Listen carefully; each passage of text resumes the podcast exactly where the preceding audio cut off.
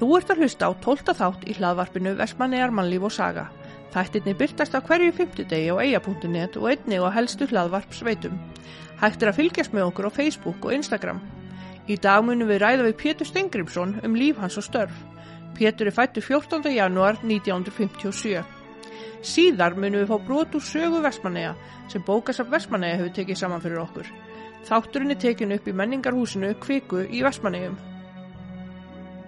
Sæll og blessaði Pétur Stengrimsson og velkomin í hlaðvarpið okkar. Sæl Alma, takk fyrir það. Hver er Pétur? Pétur er borun og bartfættur eigamæður.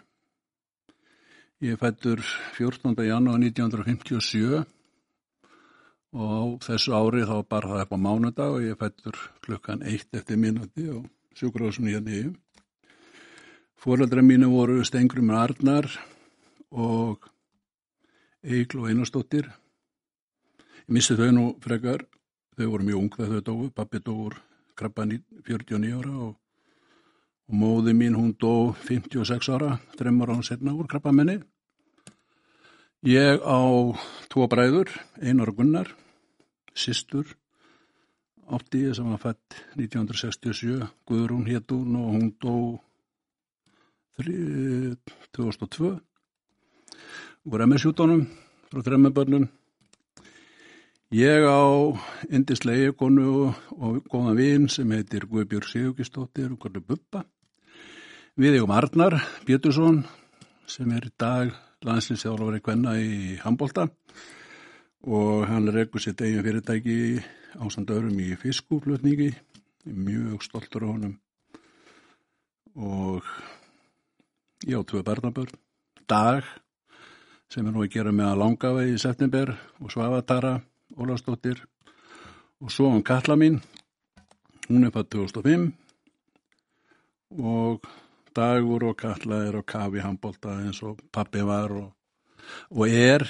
Já. og ég og Bubba við fylgjumst erum að kafi því að fylgjast með þeim og styðja á eins og við getum. Æsku heimili mitt var fagsast í 39 ég var svona á í æsku heimili er á vesturlutanum að fastastíunum vestan við heiðaveg. Á þeim kabla voru við held ég 27 börn á mínum aldri í 7-8 húsum. Östamegin við, við heiðavegin frá fagsasti 1 og að fagsasti 33 held ég að við tala einhver tíma þegar ég var að skoða þetta um 60 börn. Wow. Þetta voru svona þessi gata Þetta var svona aðalgatan í bænum í mínu lífi þegar ég var ungur. Svo var það sprángan, fjöllin, hérna, háin. Ég var mikið nýri botni og bryggjunar og gamla raunir. Þetta var í gamla daga fyrir gós eins og ég segi að þegar maður var komin vestu fyrir brekkugötu þá voru engin hús Já. nema húsi á sér bæði sem var hérna við Hásteinsvöllin og notað sem búnisklegan á tímabiliðin, þar bjóðs í bæ. Það voru engin önnur hús og ef við vorum komin, eins og maður segir, vestu fyrir brekkugötu, þar sem íþrótnamiðstöðin er og ásamerinn og allt besta hraunnið, þá var maður bara komið langt út í hraun, maður tók með sér nesta heima, sko, mamma bjóð til nesti handamanni og okkur pegjánum eða vorum að fara eitthvað, sko. Já. Já, ég var mjög mikið innspröngu og í gamla daga var alltaf gott við það, maður mann aldrei eftir nema góða dögunum og, og góða verinu og við strákanum vorum mjög mikið innspröngu, mjög mikið nýri botni. Og ég, og ég segi sjálfur frá það var mjög klára spránga gætt sprángað á öllum þessum stöðum sem eru til í dag alveg frá byrjaðu þetta barnastenni og almenning og stífjel og sillu og upp í græs og efra græs og fór létt með þetta alls saman. Botnin og bryggjunar voru mjög vinsala hjá okkur. Já. Þegar þú talar um botnin, svona fyrir þá sem ekki vita. Já. Botnin er eða svona frá hodninu, þú sko, binnabriggjan er eða þið, Já. ég kalla sko, austurendinu henni, þar endaði bara bryggjasystemið í- fyrir góð sko. Já. Og maður kallaði það botnin alveg frá þeim hluta og inn að litlu löngu sem er undir Kleifnabergi að vestan sko. Já. Þar var, var, var einmitt að sjá og skoða og finna og Já. ég var mikið hérna bara á, á milli fagsastíks og, og, og flata sem þú teima núna. Já, frá mínu heimili og neyra Nettagir Ingóls og Þvottóðsson, þar voru engin hús á milli. Já, nú er komið Tvisturinn og Björgunarfélagi og Logustöðun og allt þetta þarna á milli. Já, já. þetta voru bara kálgarðar. Já, ég átti dúubyrgi þarna var að kafi dú, dúbnarekt á tímabili og þarna voru tveir fótboltavellir sem við strákanum vorum með. Einn akkurat það sem tvisturinn er í dag og svo hinn það sem kertavesmiðan er.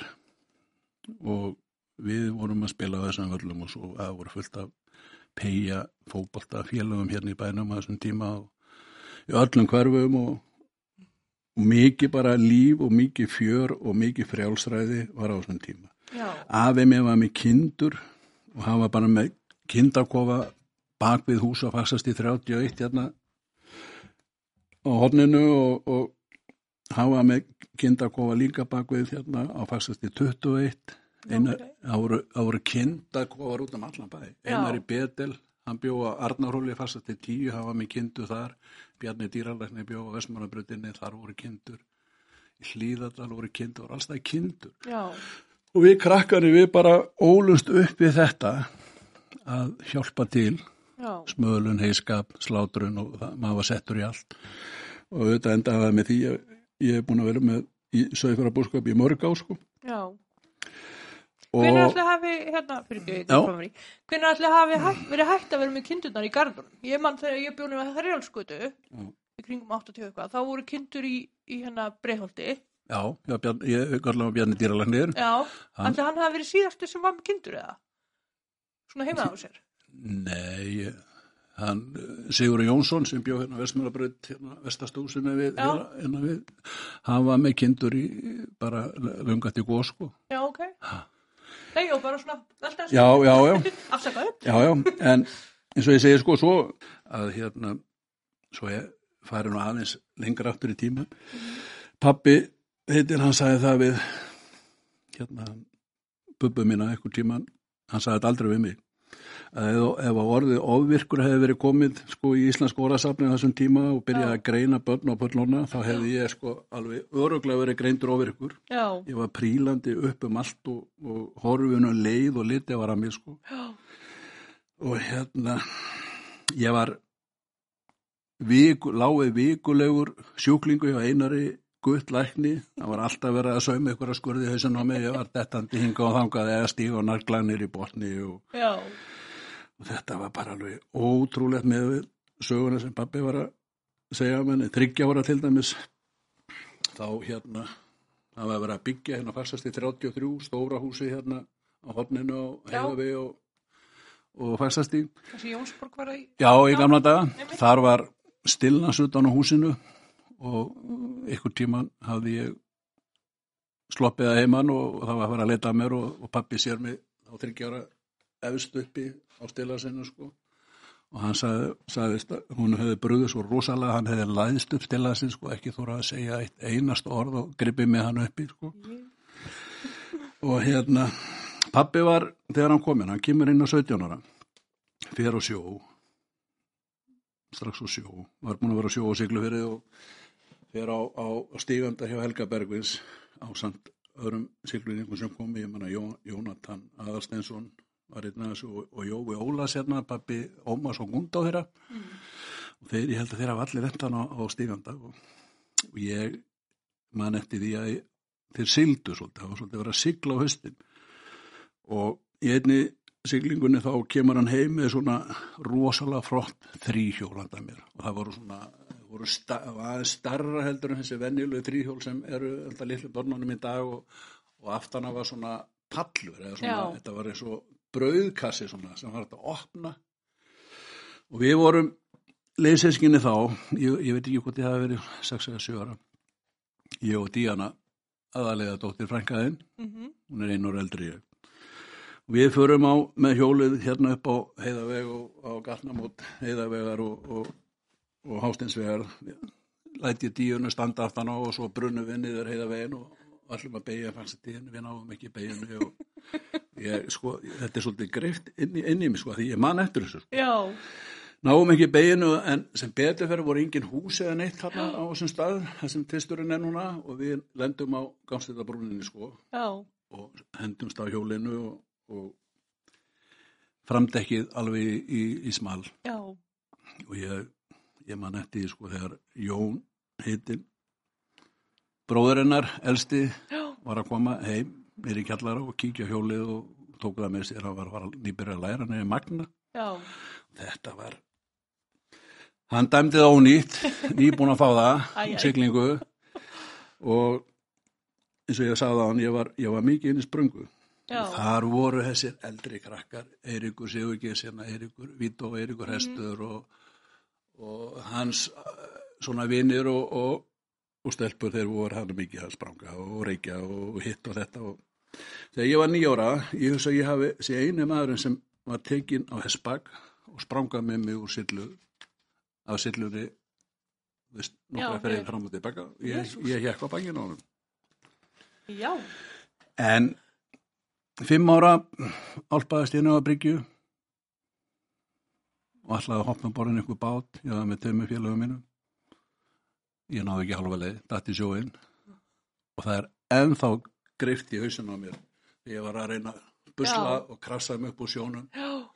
Ég man ennþá gamlu mennina sem voru að vinna í saltfisnum á næstu hefðinni, vinslustöðinni, stóðu hann og glátt á mig Einmitt. ég er hérna fimm ára guttin að reyna að busla bjarga mér og sem betur fer þá voru hásettanir á árabát utan á bakbúsíðun á bátnum. Og þar á meðal var Einar Pálsson frá Híðansöða einar, einar dröfnisbræðurunum sem Já. voru kallaðir. Hann var hásettan, hann skullast sér eftir og bjarga mér.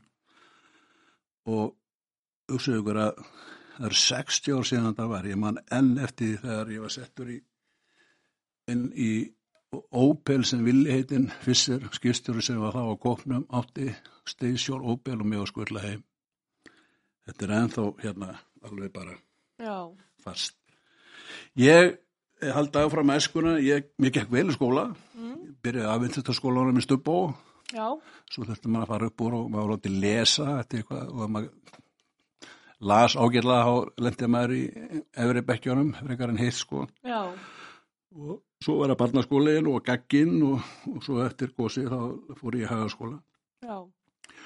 Úlingsárin voru svolítið mér, ég get alveg sett það ég eiginlega bara strax og ég kom í hérna gaggan hérna frá þá varði ég held ég bara töffar á, ein, á bara einni nóttu sko að mínu áliti Já. sko eins og ég segi og hérna Það kemur fyrir. ég kynntist það nágiði streng sem heitir Hjörtur Hjörtur Ella, bínur upp á landi jafnaldri minn Já. við vorum svona okkar áliti eins og ég sagði hann og að leika er hengum og hress og, og búr eins og Bjartma segir í sínu texta sko Já. og lærðu lítið gengum í klossu manni alltaf allan ásins alveg sama þó að það var snjór og ekki snjór alltaf var maður í klossum þannig að- skólaganga var nú hann hjá mér að ég fekk ekki áhuga fyrir skóla fyrir ég fór að lörgluskólan Já.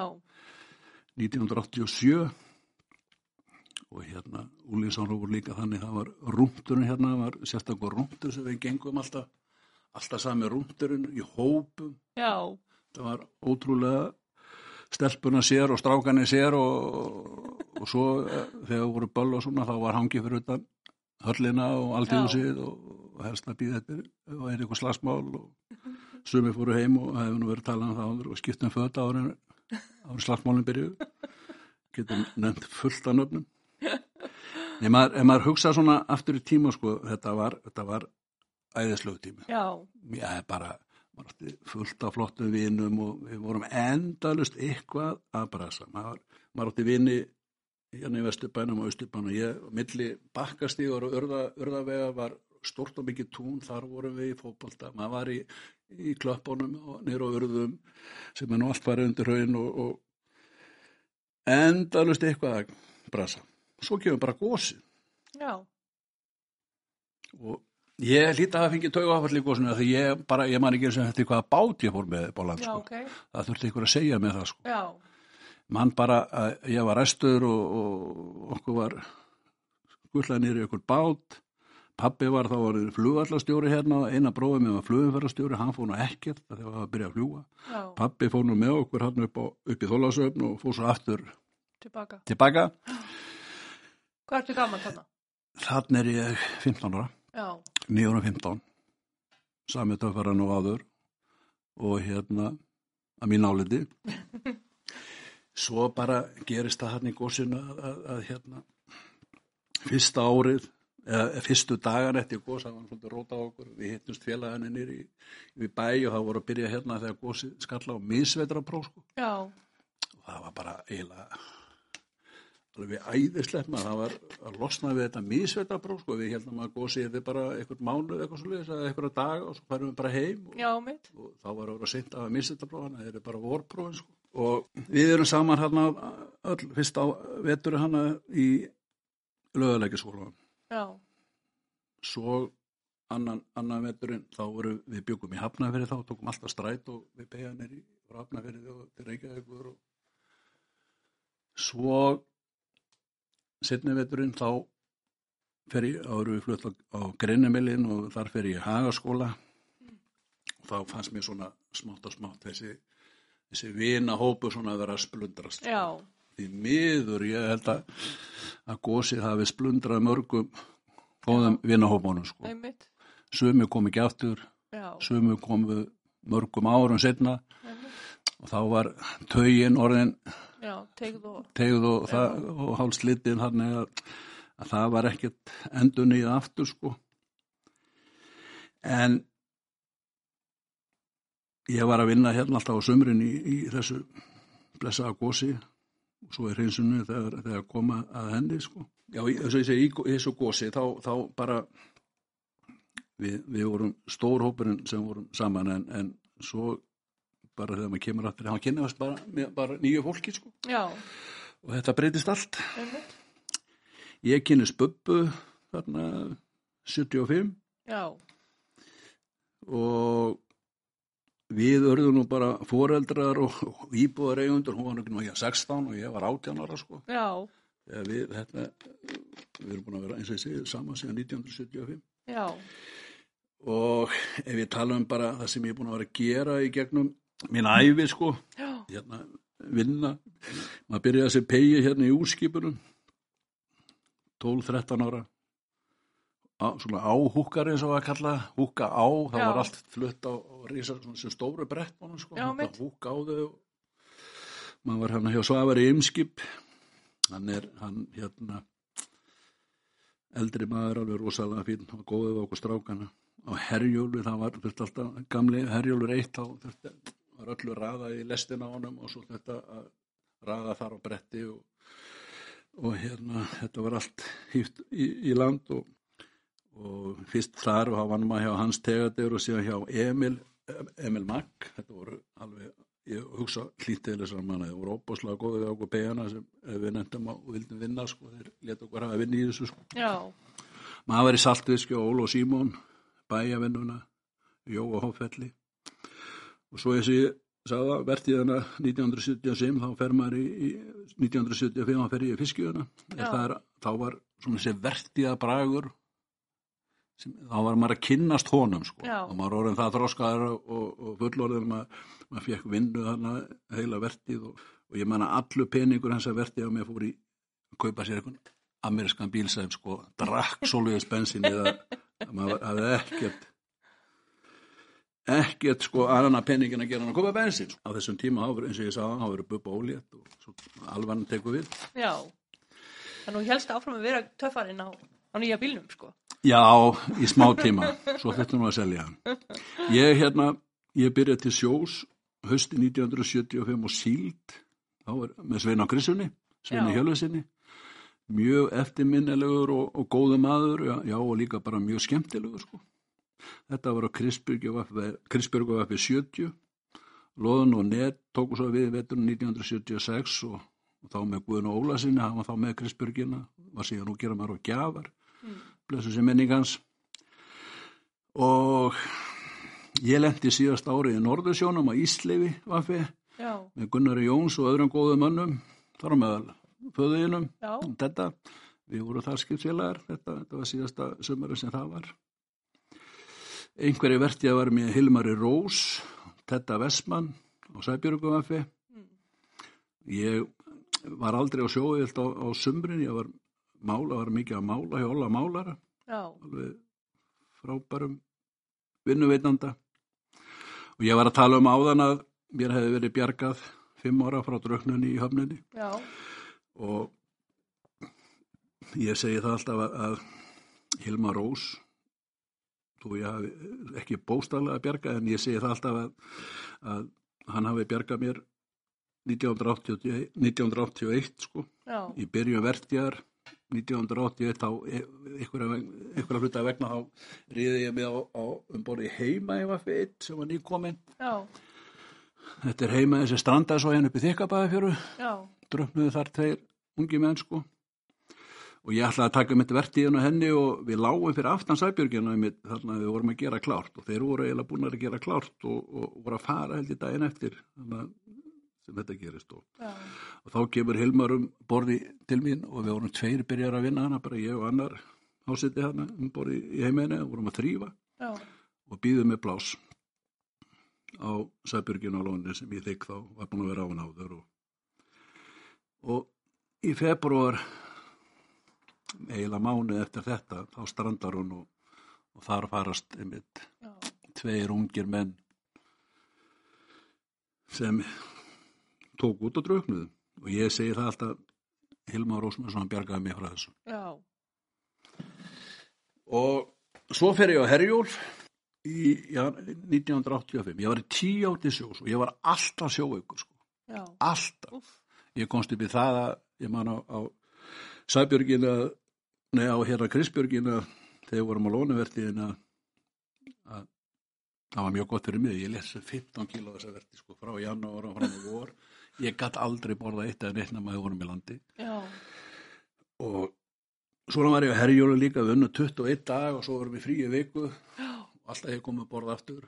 Og þá var, eins og þið munið kannski þið er ekki svo unga en þá að þegar reykurum var upp úr strampanu hérna Já. í húan og hann sko mhm, og þegar maður var að koma um borð í, ég, ég var á herjólu 2 já, að hérna þegar maður var að koma um borð í herjólu kannski að morgnar búin að vera í, í viku fríi og suðustan bræla og, og svo reykurinn kom úr fesin og byggt á dallin og þetta fylltist alltaf svona gúan og líkt sko það var láðið svo slagvarslyktin í gamlu Já, bátar hérna að á vissi að sjóa ekki stúr framöndan sko. Já, og þegar ég var orðinn þannig í restina að ég var farin að kúast á leiðin í vinnu að labba nýri, skip þá hugsaði ég mig að ég nú er komið nú já. Ég telli nú samt vera góðan að halda þetta út. Já, ég ég bara, það var ekkit jannaði bóði, ég var ekkit búin að læra eitt eða neitt sko, Já, strax alvaran þarna komið með barn og búin að kaupa íbúð og þetta vinna fyrir því og, en svo bara í óttumber þarna mann ég eftir sjóveikistúra á herjólfi að það var auglist starfi í lauruglunni og ég sókna það að það og, já, og ég hef verið þar síðan, ég hef búin að vera í 36 ára á vöktum já, Ég hef búin að lifa af sex lauruglustjóra og ég hef búin að vinna með tveimur í öðlugnþjónum og ég held að vinnufélaginu svona án, svona ég hef búin að lauslega tekið saman 60, 70, 80 manns já, á þessum tímabili. aðeins. Og ég get alveg sagt að, að ég, sko, öll þessi ár hef ég aldrei hlut að nota mig segja ekki. Ég hef oft verið spurður af því að hverju vel, velur fólk að starfa sem laurugluþjórn eða lauruglumæður eða lauruglugona og ég hef stundum velt þessari spurningu líka fyrir mér og, og ég, ég get alveg sagt að, að starfið er bæði áhugavert og fjölbreytt og, og á móti koma vaktina sem geta verið slítandi þegar fram í sætgir og ég, ég er svolítið að finna það núna sérstaklega eftir ég var 60, ég er 64 ári í dag að, þegar maður er búin að vera á vöktum mér er helmikinn æfinni að þá fer svefnin í algjörðrugl og ég var rosalega orðið erfitt með að sofa nú sko. sofa rétt eins og maður segir. Og þegar ég er að hlaupa á nætuvöktum yfir á dagvættir og þá bara er stundum allt í einhverju og leiða mér sko. Ég er kannski að ná þreim með fjórum tímum á, á sólaring sko sem er ekki nærriðin og gott. nei, enga veginn. En sko við í lauruglunni, við erum ekki eina stjættin sem sko þarf að sætta sig við svona óreglum vinnutíma og að eiga samskipti við fólk á, eins og ég segja, á þeirra erfiðustu stundum í lífinu sko. Já, Það er lauruglan bara, hún er bara hlekkur í keðju, björgunar og við bara sagla sem nættir alls landsins sko. einmitt.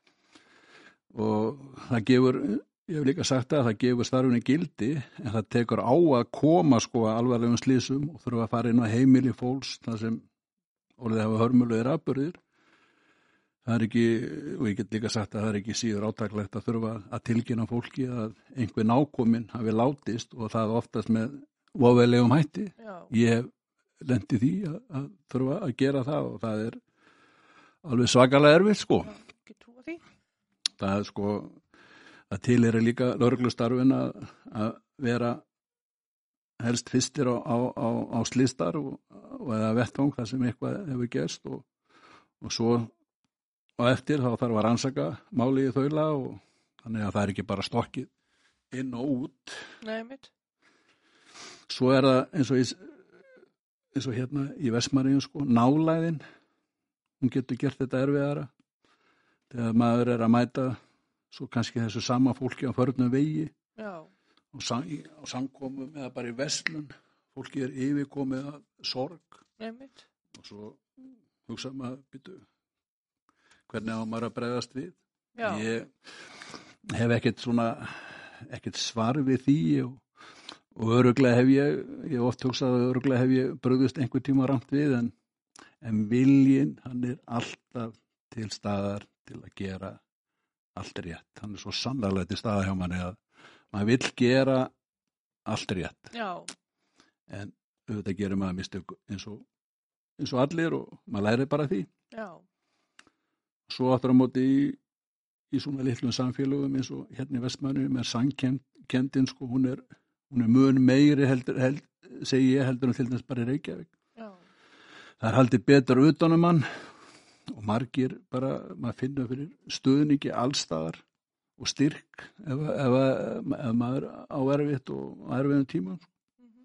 Það er ekki bara styrku frá fæðalum, það er líka frá því nánustu. Sem betur fyrir er orðið meiri skilningur líka finnst mér í að styðja og hjálpa viðbras aðila og viðbras alla bara já, að hjálpa viðbras aðilum að vinna úr sínum málum. Já, hér áður fyrir sko mann ég bara þegar ég var að byrja í löggunni sko þá, þá þekktist þekktist það ekki að lögreglum með fingu sko, þjónustu sálfræðinga eða, eða, eða, eða fagfólks í, í, í svoleiði sko einmitt. við þorfum við bara að, að, að hver og einn ætti að taka á þessu, bara vera kallinn sko Já, já. og, og, og sem tæki þetta bara á kassan og, Já, og ef hann geti það ekki, þannig bara hósa þær að vindu einmitt. það var bara svona inn í gamla daga sko Já, já, það er allt breytt núna sem betur fyrr. En þegar ég, þegar ég lít tilbaka eftir að hafa verið þessi er 36 ári laurugluna kemur auðvitað margt upp í huga. Ég hef lent í ymsum erfiðu málum með félögum mínum, fólki í björgunafélaginu, sjúkraflutningamörnum og starfsfólki í sjúkrahúsi. En Guð hefur sem betur fer forða mér frá því öll þessi ár Mm, að takast á við vettvang mm, þar sem ungbörn já, hafa látist. já, Ég hef bara sloppi við það og ég er bara byggja um það að ég sleppi við það þessa mánuði sem ég veitir. En hérna, hvað gerðu þér til gamans? Já, ég hérna á, fullt áhugamálum sko. 1985 hefði byrjaði lauruglun, þá, þá hérna gekk ég í veiði félaga Bjarnari. Já, Þar voru strákar í löggunni sem voru í því veiði félagi og, og ég, það er svona, ég stundi það alveg opbáslega mikið á sömrin að vera út í eigi og veiða lunda og, og nú í dag er, er eiginlega, mér finnst ekki ástæð til að veiða, vera að veiða lunda hérna í eigum. Mér finnst ég bara, ef ég sé lundorðið í dag, mhm, það eru mjög, mér, mér finnst þér að líta á en sumi segja hann að sé að fjölga, ég lappa mikið upp á heimaklett, það er svona eitt af mínum mestu og bestu áhagamálum, já, rækta líkamann svo ég segja, með þessum göngum. Já, var áður fyrir í, í líkansrætt á, á, á hérna, þessum stöðum en ég var það bara ekki eins skemmtileg já, og þegar ég byrjaði á, á þessum, þessum göngum ég held að það hafi verið 2008 eða 9 sem ég byrjaði á því að labba á heimaglett að, að hérna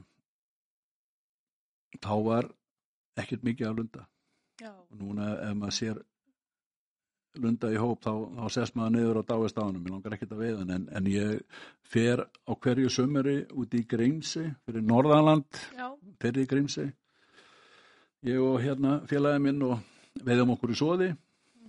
Okkur finnst það æðislegt. Eru margir að veiða lunda hérna í?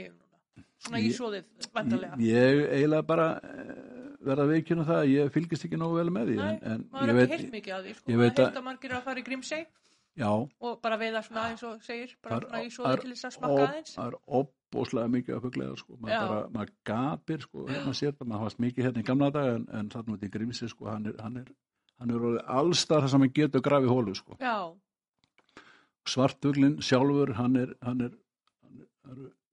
miljónur örgulega hann í bjarginu og í fjörónum og þannig að þetta er alveg ótrúlega að fylgjast með þessu. En eins og ég segi ég þetta, þetta lundavegin var, var eitt af mínum og er eitt af mínum áhugamálum. Og ganga eins og ég sagði líkans, það er mín líkansrækt Já. ganga og, og mér er strósalega gott að vera sjósund. Ég er svolítið brast í, í því og, og fer svona þegar ég get það er bólgæðandi fólk veit að því Já.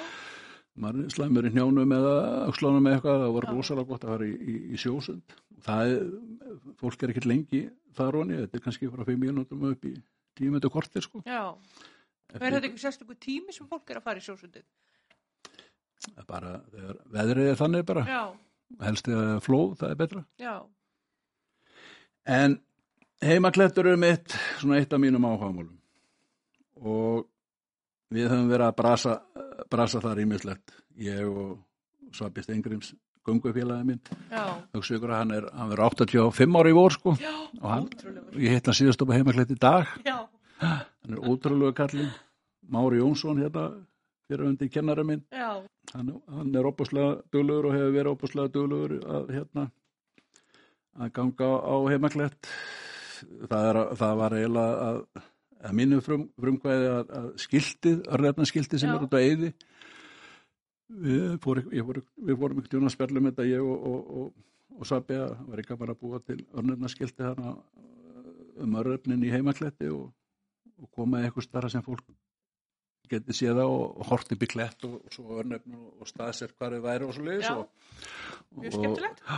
Þannig að ég sendi umhverfis bæjarins bref á sínum tíma og þá var Gullegu Grettisson, hann var nú og er tindal svonur máskennara, hann var formaður. Og sem betur fer þá var hann með sama áhuga á þessu eins og við og, og hann sá til þess og redda því að, að, að við fengum styrk og, og hérna. Þannig að við gátum gert þetta skildi Já, við fengum hana svona örnefnakalla eins og ég segi menn sem hafa vita á og vita hvar örnefnin eru og þekkja þau sko til, Einmitt. til að staðsetja það á klettinum. Já, og við áttum frumkvæða því líka við kallan er að sem göngum á heimaklett að, að það eru komin að tröppur á milli milli hérna stiga. Frá, frá neðri stiga og upp að öðri stiga. Það, það gerist 2015 já, sem það var klárað. Og hérna við fengum styrk í gegnum bæinn. Mhm. og vinnum minn hann Gunnlaugur Grettisson hann, hann hjálpaði okkur í þeim málum sko. Handbóltastrákanir, þeir smíðu þessa tröppu strákanir í mestarflokki í handbóltanum á þessum tíma sko. Þannig að, að svo erum við núna til dæmis, við erum að, að brasi því við erum endalust að reyna að laga göngustígana. Á tímabili þegar mest var að fólk gekk upp að heimaklett þá, þá var það að meðatali 15 á dag já, yfir árið sko. Já, eitt árið sem var best þarra sko. Já, núna er þetta kannski 5-6 á, á árið sem er að ganga á, á heimaklett. Það er svona eitthvað hlut út af COVID Já. ef ég trú á. Já. Nú lendur í smá sjáarháska hann við Bjarnarei um árið. Já, eins og ég saði okkur frá áðan þegar ég var fimm ára þá var mér bjargaður höfninni svo gerist það 7. júli 1997 að við erum fjóru félagar að koma úr eiginu eða fara heima að vera að sækja okkur á litlum svona spítara við vorum þarna að veiða ég og Jens Karl Magnús Jóhannesson, Jenny Rauði og mm -hmm. Óma Stefáns, Óma Grabbi og og ég, við vorum þrýr hann já Gilvi Rapp Gíslason og vinnur hans Björgvin Arnars, þeir koma bát að sækja okkur og, og þeir, við erum búin að henda fugglinu niður sem voru ykkur að 7-8 kipur og þeir eru búin að sækja okkur á, á á bryggjun okkar sem við kallaði heiti Steðji mm -hmm. Í, við, á Kvannillu sem er norðvestan á, á Bjarnari og það var svona aðeins skælingur á norðvestan. Þannig að aldan kom að bergir þar sem við vorum að sigla meðfram og, og stundus koma svona tilbaka aftur þegar hún skalla bergin og tilbaka. Og við lendum við mitt í svo leiðis, við erum að sigla hana í söðu meðfram bjarginu og erum svona rétt að fara að beigja heim á leið. Í áttin að heimaði þegar það kemur hann alltaf sem skellur á berginu og kemur svo tilbaka á flegi fler og hún bara fyllir bátinn. Já. og mér sé að Ómar hann er frammi, það var svona stýrihús mm -hmm. og loka svona lítill lúkar var, og hann bjarga sér, ég man alltaf eftir hann bjarga sér með því að hann kemur upp á lúan, hann komst ekki á móti sko. Já. Og er eftir á mótunum báturum við bara síga og, og að sökva og, og, og þegar hann er að sökva þeir eru komnir hérna útbyrðis Ómar og Gilvi og Bjöggi. Og svo enda með því að ég lendi þarna útbyrðis líka og Jenny hangir einhvern veginn þarna alltaf um borð. Já. eða á kjölnum eiginlega og símin ennþá þurr og hann ennþá þurr og og þegar ég er eiginlega svona að fara á kaff þá kalla ég hann og segi ringdi 10.22 og láttu vita að við séum að bátur að sé að sakka myndi ég númeri bara frá því í loggustarfinu og hann réttna er að rífa Simon og Vassánum og slá einn númeri og það bara, eru við erum að sakkaði bjarnari og, og eitthvað neginn lukka með okkur. Starfsmæður loskettastöðurinnar, hann er þarna sittu við borðið akkurat það sem símin er. Eins og hann segir í okkur vitali sjálfur að að það er nú ekki oft sem þeir sátu þarna heldur voru að gera eitthvað annað, vinna við eitthvað annað eða í kaffi eða eitthvað og, mm. og hann vissi alveg fatt eins og sko hvað varum að vera og lætur skips og báta að vita því að það sé slísana við bendarinn og, og þegar við höldum okkur þarna í kjölinn það var stefni var komið bara bynd upp í loftið og, og afturöndin á kafi og og ég man alltaf eftir því að eftir smá tíma ég voru búin að vera, vera hana í tíu myndur kannski, fimm eða tíu myndur að við sjáum hjalla og braf og koma sunnan að hann hafði ný, ný áður verið að sigla fram hjá okkur norðan við inna og östu fyrir Já. og hann kemur hann að fyrstur og svo rétt að eftir hittist hann á að, að Björgunar báturinn Þór er við stæðin í Ístakletti og svo var máið minni farið fram hjá hann og drífunni trollbát sem hann átti og, og þessi bát að koma allir hann á en okkur er Björgum búin í Bravo og, og, og hérna Björgunabáttinn og ég man alltaf eftir þessari sælu tilfinningu sem kom yfir maður þegar maður sá hjalla Já. í Betel kom og Bravo hann og þá vissi maður með að Björga og það er svo skrítið að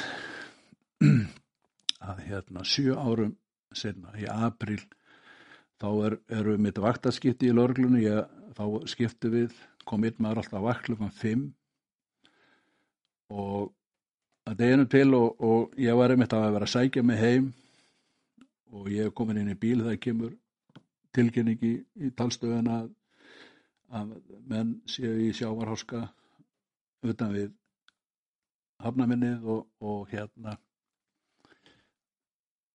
Við heyrum þetta og við förum nýra á Bryggju og, og þegar við komum nýra á Bryggju þá er Gauji Páls að setja bárun í gang. Já. Hann var í björgunumfélaginu og heyrði þetta og, og var þarna eitthvað nefnir að bryggja að brasa og, og hann er sitt í gang og ég ákvaði að fara með honum og þegar við komum við, við hérna kless nefið þá sjáum við snorra þarna réttir utan og, og við siglum að honum og þar eru menn í sjónum og, og við náum að bjarga, þeir voru þrýr við, við náum að taka tóaðum upp í bátni hjá okkur. Þar með bjargaðum og einn að- einn er að kemst upp upp sjálfur upp stiga sem er á, á hliðin á, á, á, á snorra. Já. og sérstaklega annað er að sem var með okkur hann var ískalt skall mikið og, og ég segi við hefum ekki mátt koma mikið setna Nei. en ég mani mitt eftir þessu þegar, þegar strákanir báður að komnur um borði í báruna þá fekk ég þessa sömu indislegu sælu tilfinningu í líkamann og ég fekk þegar ég sá hjalla í Betel koma og bravo siglandi sunnan að þarna og bjarga okkur Já. og ég hef alltaf sagt að það er svo indislega gott að, að vera bjargað og það er líka alveg indislega gott að geta bjargað Já. Þegar, þegar það, það við sko. Já.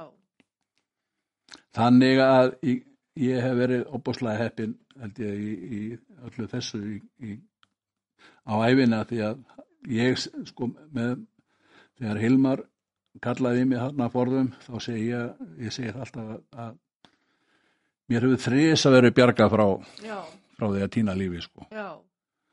og sjálfur hef ég einu sinni verið svo opbúslega heppin að geta bjarga öðrum og mér finnst það bara æðislegt. Já. Já, Já, Pétur, ég veit að þú átt rosalega skemmtilegt áhugamál sem að mér finnst mjög spennandi og það eru hérna örnefnin búin að safna þeim og svona hvað hérna, hvernig kveiknaði sá áhugi? já, ég er búin að hafa áhuga fyrir örnefnum í, í, í þó nokkuð mörg ár sko. Ég, fyrir mörgum árum þá man ég að ég fór á námskeið í örnefnum á, í Vestmaríu hjá Ragga Óskarskennara, Ólitýr, hann var með örnefna námskeið sem ég sótti. Já, og það var ekkert neitt meira en það sko þá sko. En svo fekk ég áhuga fyrir þessu aftur. Og hérna allt það byrjaði eiginlega bara með gönguferðum að heimaklætt svo ég segi. Já, í fyrstu þá voru þessar gönguferði bara eiginlega svona keppni við tíman hvað ég var fljótur að heiman og upp á heimaklætt og svo aftur heim. Og það er meira að segja án þess að sjá sko nokkuð skapaða hluti í þessari ferð sko. Maður bara Já. flýta sér upp og niður aftur og heim og svo leitt maður klukkan á já, ég var svona fljótur. Já, en svo fór ég að taka eftir því á þessum ferðum mínum að það voru þarna fleiri en ég að ganga. Og í reglulegum ferðum eins og ég var komin í þá. Mhm, og þar á meðal þá þar var Svafa Stengriðsson og Svampi er alveg sérstaklega fróður um sögu eigana já, þegar ég fór að að ganga með honum að heimaklett fór ég að upplifa þessa ferðir allt öðruvísi heldur en ég gerði. Og ég sá umhverfið sko eiginlega bara allt í nýju ljósi sko. Já, nú var komið nafn og nánast hver einasta hól, hverja læð, hver gil og hverja þúu já, og sumu nöfnunum fylgdi bara skemmtileg saga sem kallinn kunni og sagði mig frá. já, Síðar sko í, í þessum ferðum okkar, ég fór að ganga með honum þarna, við erum fínir gungufélagar og í þessu spjalli okkar, eða í, þess, á, í spjalli okkar á, í þessum gunguferðum þá kom upp hugmynd að það væri gaman að setja upp örnefnin í heimakletti á mynd, öðru svona gungufólki til ánægi og fróðlis. Ég sagði okkur aðeins frá því áðan sko. Já, mitt, og við vorum ekkert að hánsa með neitt með þá hugmynd. Reyndum henni bara í frængvæmt og við fengum hana góða menn með okkur í þetta að velja örnefnin og setja þau á rétta staði sko. Það, sko þetta er eins og örnefnin þessar bækur svo, svo kannski sé örnefni í, á heimaði eða örnefni í vestmannum sko það eru fullt örnefnum í heimakletti. Já, já, En við völdum hérna, fengum þá með okkur Hávar Sigursson og Mári Jónsson, Ólaf Týr og Fribjörn Valdís. Og við fengum þá með okkur til að velja örnefni og við völdum eða þeir þessir örnefna snillingar hérna, Hávarður og Már og Óli Týr, þeir voru svona þeir aðal í þessu, þeir völdu helstu örnefnin Já. við hefum getað sett fullt örnefnaminni viðbót en ef þú komið með örnefnaminn þá, þá verður eh, ef það verður ef það verður hundra örnefni á henni þá verður þetta svona kaðræk Já, já. og það verður ekkit, ekkit svona áhugavert að, að skoða hann og reyna að læra nöfnist það, Nei. er að, það var ákveðið að setja eða þeir ákveðið að setja helst örnefnin Já. og þannig að það er auðveldra að finna hinn örnefnin eftir þessum örnefnaskrá Já. og þannig var þetta verk unnið. Síðar þá kom inn í hennar hóp sem ég er búin að tala um áður Gunnlaugur Grettisson sem það, hann var þá líka formaður umhverfis og skipljósar á Vestmannabæðir Gulli fylltist áhuga á þessu og fekk fjármagni þetta. Þannig að, hérna eins og ég sagði það, þetta var bara hrind í frangvæm myndina prentaðar eða, mynd, eða örnefna voru sett inn á myndir Óskaprentari Ólas, hann setti vann alla tölvuvinnuna fyrir okkur Já. sem var, er hellingsmál og vanda sem vinna að setja örnefna á rétta staði Já, já. og svo endaði bara með því að þá voru prentaðar hana þrjár myndir, það er ein út á eyði ein hérna upp á raunni þar sem hún sér vel vest, á, á stæði hana vesta við sorpu Já. Sér vel myndina og getur hort upp á heimaklett og staðsett örnefnin og svo er einu á nustamri sko. Já. en svo ég haldi hún áfram með þessu örnefni að þessi örnefni mín að hérna og áhuga málu með það að svo held, þegar þetta var komið þá heldum við svafa bara okkar rútinu, gengur saman á, á, á heimaklett og þá fór Svavar að segja með það að þegar hann var húsvörður í Hamaskóla þá hafi hann lendi því á vorin þegar var kannski ekki dóla mikið um að vera í skólanum í kennslu að fara með bekki í göngu Já.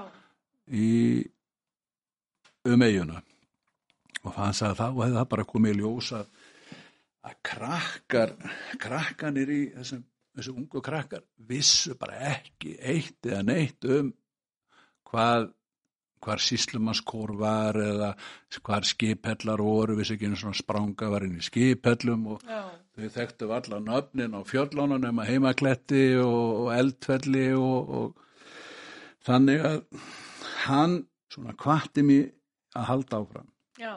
og kvatti mig að fara út í það að setja fleiri örnefni á taka myndir fleiri myndir og setja örnefnin á það. Og, og ég, ég var full, fullur áhuga eins og ég er ennþá við hann í dag ég talaði við Hávar Sigursson sem er alveg opbóðsluðu fræðimæður um sögu Vestmanneja og þekki nánast hver einasta hól hérna. Hann var til í þetta og, og ég satt með honum held ég bara, já, tvo vetur. Já. ekki á hverjum degi en við vorum hann að tvo vetur sátum við við borstofabóra heim í hánum og ég var með myndir og hann benti og, og, og ég setti örnefnin inn á myndinar og, og hérna þetta voru held ég 17 myndir. Ég, ég á 17 myndir af heimaði með alls konar örnefnum Já. sem hávaru sett inn á. Og hann vildi hafa svona bakhjarla sem hva- kemur um ábendingar og, og, og, og villumeldingu ef eitthvað væri, við fengum Má Jónsson með okkur og Gilva Sigur Jónsson og Gilvi í bankanum. Já. og svo að Svavar og Jens Heitin Kristinsson og Miðhúsum var líka þarna Já. og þegar við vorum búnir að þessu öllu þá í samráði við Kára á bókasafninu var ákveðið að hafa örnefnasýningu á góðslókunum 2017 Já. hengdu við upp allar þessar myndir Óskar var búin að brendara var búin að setja þetta allt inn á myndinar og, og þetta var búin að brenda þetta út fyrir okkur og við hengdum þetta upp hana og ég held að hafi komið þrjú eða fjóðs manns á þessa var frá fjóða júli góðslokunum og fram í september. Já. og við óskuðum eftir leiðrætningu Já. ef að að villu verið í myndunum Já, óskuðum við eftir að það er leiðrétt ef ykkur vissi betur en, en hávarður fengum engar aðdóðasemdi við þetta. Já, ok. og nú eru þessa bara myndir heima á mér. Já, Og gersemi og... Já, já, það, það er svo skrýta að það eru óa fáir, það er ekkert voðalega margir sem áhuga fyrir þessu. Nei, það er svolítið skrítið. En mér var bent á að gefa grunnskólunum tværi myndir. Já, Það eru myndir sem eru teknar frá skansaklettum, það er, það er bara hérna nýsta hlutunum á, í, í hlýðabrekkunni hérna, klifin og þar, já, klettarnir sem standa þetta skansaklettar já, og hún náði að, að, að hásteini sem er hérna og með boltan já, með öllum örnöfnum þar og svo er ein mynd frá, sem er tekin frá fiskellanefi já, og að fílnum, öll örnöfnin í dalnum og, og í hánni, einmitt. háin dalfjallsmegin eins og, eins og fjalli heitir, þetta er ekki moldi, það er ekki fjall, en ég gaf grunnskólan þetta og, og hérna fyrir tveimur árum eða þremur. Já, og hérna maður bara bent á það að það veri sniðut að gefa skólanum þetta bara hefur aldrei verið áhugi á því að búa til bók eða, eða setja þetta í bækur? það eru fullt, af,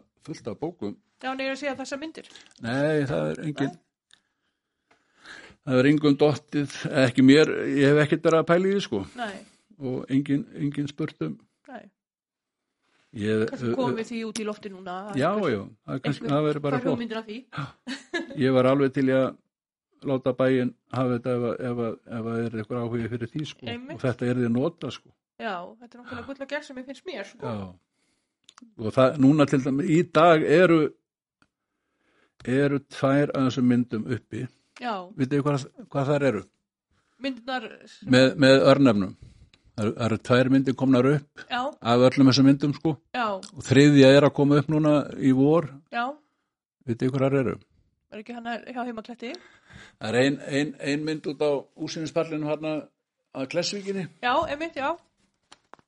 Einmitt, Og svo er ein mynd, er ekki einu púr stóra það? að, Eða var ekki nei, einu nei, stóra? það er ein mynd hérna sunna við á Hamasveginu sunna við, við gólskólan, það er einmitt myndi sem ég var að segja frá sem Já. er með öröfnum í dalinn Já, ok, og svo kemur á að koma ein núna í vor hérna á, á bílastæði vestan við Sorpi það sem dælunar eru já, og það er þá hérna klifið og háin og það er sko já. og ég, ég hef að bara er fólk örugglega- mjög Ég ánægt er með það sko myndinni hérna sem að er hérna með úteganar. Það er, var alltaf uppi stórhæð á sumrin. Já, það, þú ert að tala um hérna úsinniskífuna Nei, það, það var svona mynd já, með- já, já sem að benda á eiganar. já, já, já, ég var ruggla því. sko. Það, það er nú bara ein vill að stressa á, þi- á, eins og að þeirri minn sko Já, það stendur þarna, moldi og svo, svo er streik nýra hána sko. Já, moldi er ekki fjall. Já, og sæfjall heitir ekki sæfjall. Nei, heitir sæfjall. Já, en nú er komið göngukort og það er, það er, það er öllu göngukortinu að tala um sæfjall. Já, en það er sæfjall. já, það heitir sæfjall. Já. Það er eins og sumir segja álfsei, eins og segja álfur. Já, já, og svo segja aðrir álsei. já. Ég segja ellir ei, Já, allir, ég hef alltaf sagt ellir ei já, ég það líka. getur, getur vel verið að sé villustumur Já, þannig að, já, þetta er spennandi. Já, já. Ég, eins og ég segi, ég, þetta er svona, ég var gaman svo, ég er alltaf að reyna að læra þetta, sko, ég, ég, ég er engin sérfræðingur í þessu þó ég farið út í þetta, sko, ég var með sérfræðinga með mér í þessu, sko, Já, og mér finnst að þegar vera að búa til bæði gongukort og annað hérna um heimeina, já, það er eigi að tala við þessa sérfræðinga áður já, algjörlega, áður en, algjörlega. áður en farið er í, það er og, eins og margir sem tala um, um stafinni, sko, Já. eins og það sé örnefni eftir, eftir bara göngustaf, sko. Já, já, að það heitir Stafs Einmitt. Nes sko einmitt.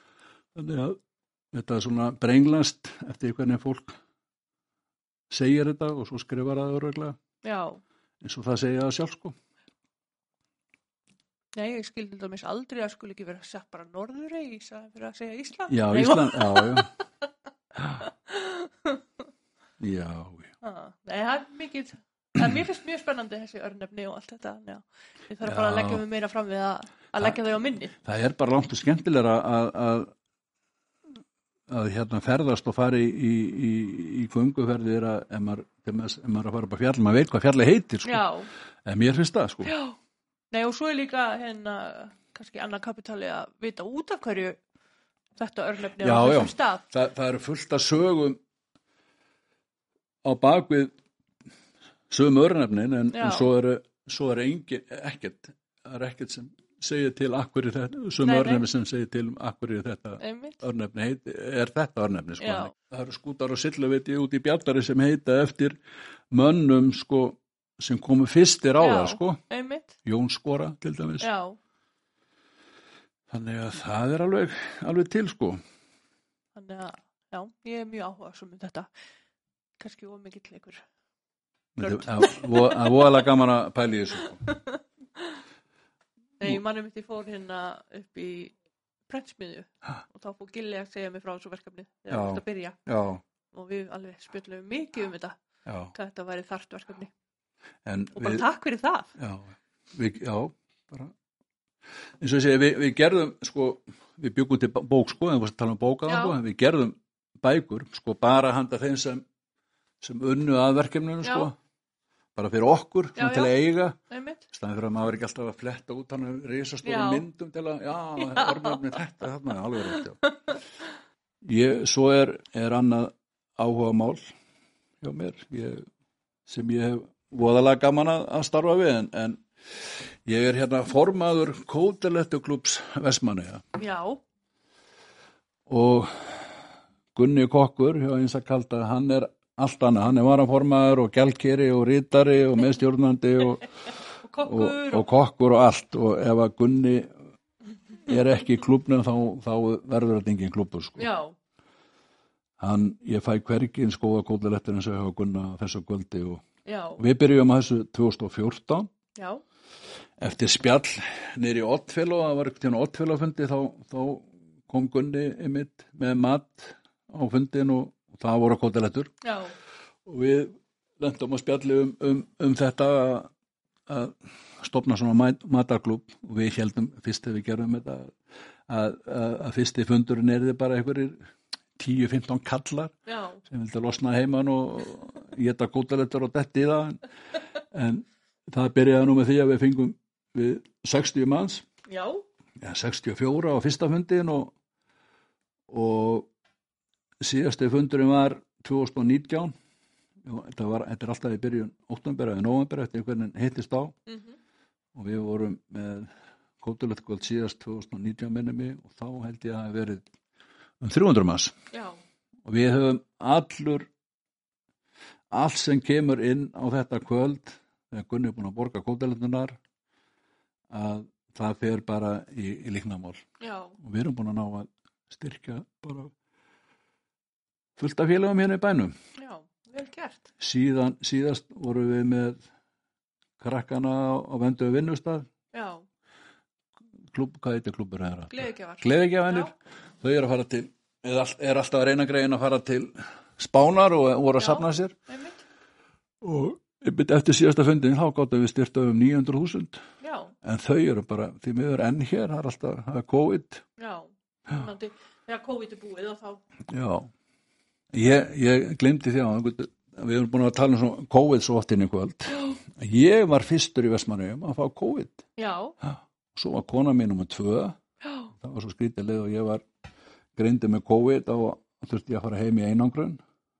Og, og kona, henni, konunni var skipað í sókví með mér og þetta smitaði hann um leið. Já, já, og svo Arda minn, hann, hann, við vorum nummer 1 1, 2 og 4 já, það var svona lýsröðun á þessu.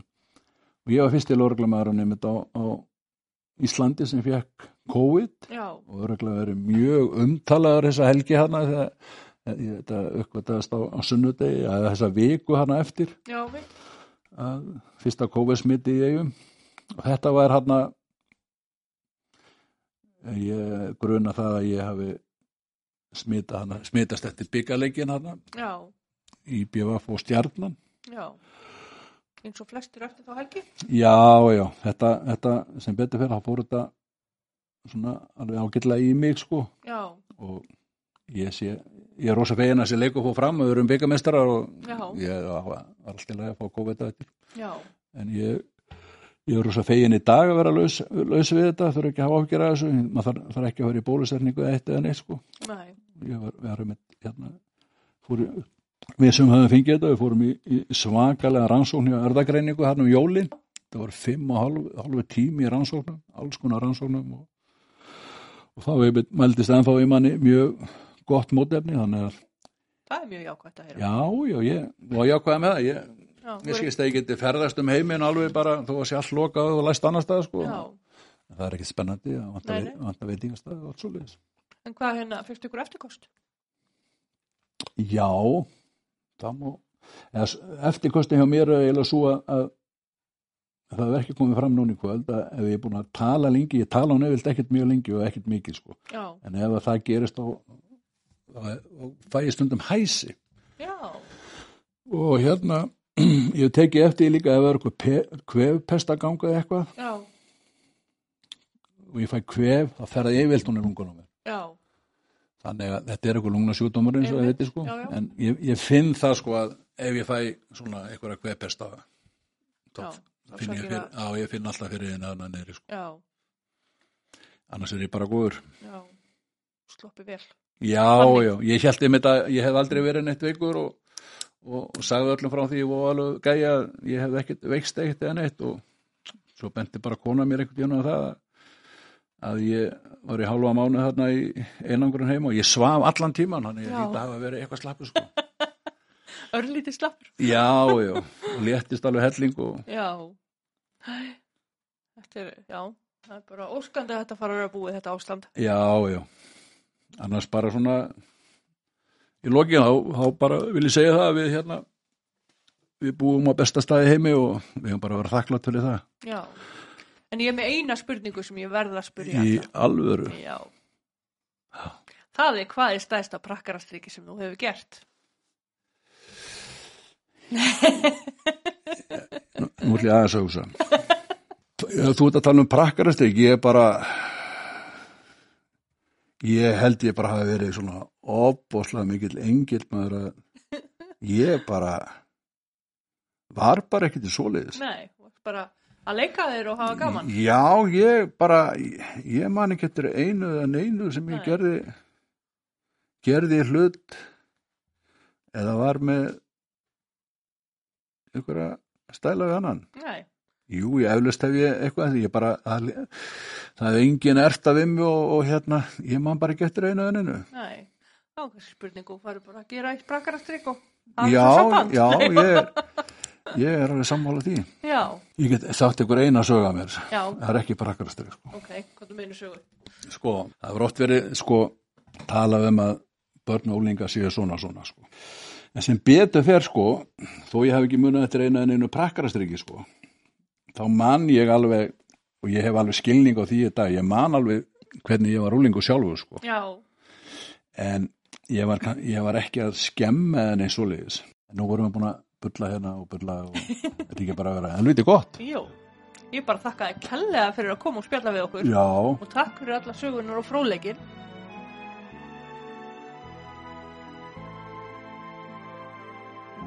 Örnefni í Vestmannegjum eru fjölmörg og víða tala um þau. Við fundum tvær skemmtilega greinar sem að drífa þöll Arnadóttir ætla nú að lesa fyrir okkur. Þetta sögubrót er í bóði bókasafs Vestmanneja. Hægt er að afla sér nánari upplýsinga um efni sögubrótsins á heimaslóð.is.